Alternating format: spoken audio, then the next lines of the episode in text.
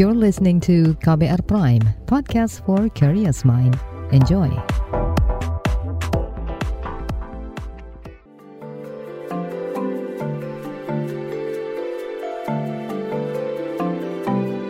Saga, cerita tentang nama, peristiwa, dan fakta.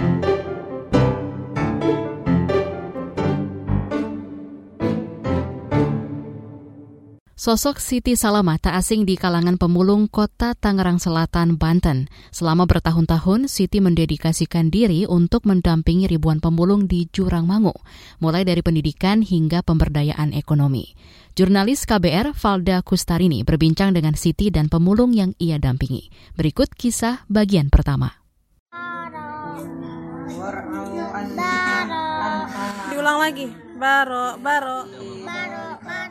Belasan anak duduk lesehan di musola sembari memegang buku ikro. Mereka belajar mengaji dituntun seorang perempuan berkerudung bernama Siti Salama. Ini cuplikan suara dari video kegiatan maghrib mengaji di Juran Mangu, Tangerang Selatan, Banten sebelum pandemi. Wilayah itu memang banyak dihuni pemulung. Mendampingi anak-anak pemulung dilakoni Siti sejak 2015 silam bermula dari ajakan kawan. Perempuan 33 tahun ini dikenal punya banyak pengalaman sebagai relawan. Akhirnya ada beberapa orang SMS ya waktu itu apa BBM gitu saya lupa deh minta saya untuk datang ngebina anak-anak pemulung daerah sini. Karena teman saya itu masuk dua kali berturut-turut cuma sering dijailin mbak.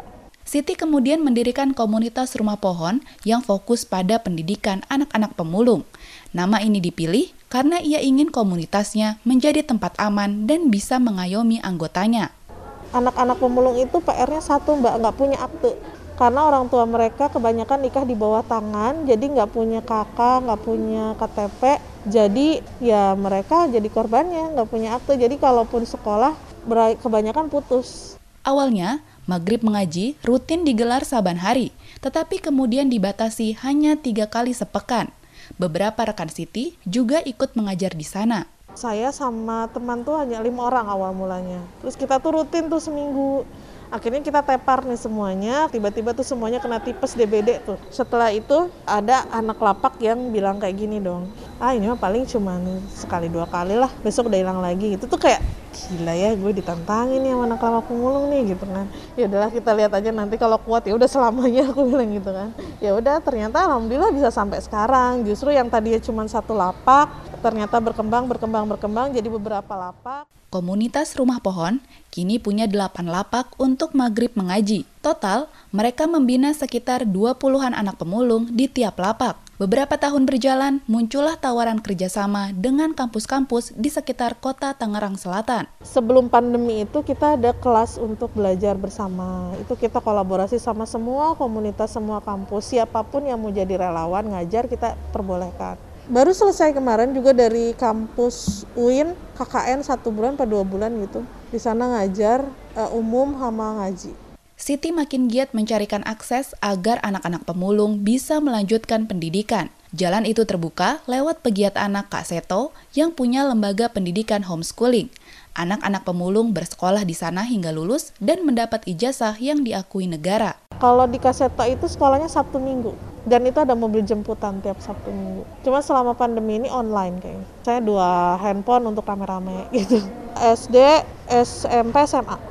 Perjuangan ibu satu anak ini tak sia-sia. Salah satu anak dampingannya bahkan berhasil menembus perguruan tinggi. Kemarin deh, kayaknya tahun 2021 kemarin ada satu anak lapak datang ke saya.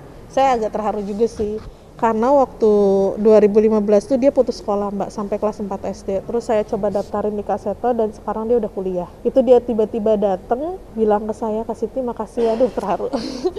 Kata dia Kasiti makasih ya gitu. Kalau nggak ada Kasiti mungkin aku nggak bisa sampai sekarang kata dia gitu kan aku tuh dulu nggak ada harapan sama sekali buat sekolah gitu sekarang tuh aku kuliah loh kak katanya gitu itu itu sampai gila ya nih anak masih ingat sama gue gitu padahal uh, kita tuh udah nggak ketemu lama gitu mbak Siti juga gencar mengedukasi soal pencegahan perkawinan anak di kalangan pemulung. Pasalnya, praktek ini biasa terjadi karena tekanan ekonomi. Siti ingin anak-anak pemulung tak bernasib sama seperti orang tuanya. Waktu 2020 itu ada anak aku yang SD tiba-tiba udah nikah dong sama anak apa nama pengamen. Aku nggak tahu waktu itu. Terus aku langsung bilang kalau ada apa-apa bilang sama Kak Siti gitu kan. Nomor Kak Siti ada di handphone kalian semua Boe cerita gitu. Jangan tiba-tiba ujuk-ujuk nikah kayak gini. Kalau kalian terjadi sesuatu kayak gimana gitu kan. Padahal nikahnya tuh ya hama lingkaran itu lagi itu lagi itu lagi itu lagi gitu. Gak jauh-jauh gitu. Nama saya Bu Sudarti umur 39 tahun. Tadinya kan eh, emang saya sama Kak Siti kan belum kenal jadi kita terus saling kenalan terus kata Kak Siti pengen mengajak anak-anak kecil untuk ngaji sekolah gitu-gitu Para pemulung di Juran Mangu berterima kasih atas dedikasi Siti memperjuangkan anak-anak mereka agar tetap sekolah. Sudarti salah satunya. Anaknya kini menjalani homeschooling kelas 4 SD. Merasa terbantu kak, karena anak yang tadinya nggak sekolah kan jadi dia bisa mengenal huruf, angka, bisa membaca gitu. Yang tadinya nggak bisa ngaji kan bisa mengaji gitu. Merasa terbantu. Jadi kebantu buat anak-anak ya sekolah, mengaji gitu. Mungkin untuk orang tuanya ya keterampilan juga dibutuh juga sih. Sudarti berharap ada bantuan juga bagi pemulung agar mereka lebih sejahtera. Asa ini mengusik Siti. Ia pun tergerak untuk berbuat lebih. Seperti apa kiprahnya? Simak lanjutan kisahnya esok.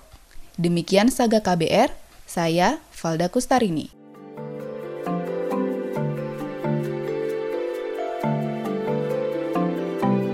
Saga, cerita tentang nama, peristiwa, dan fakta.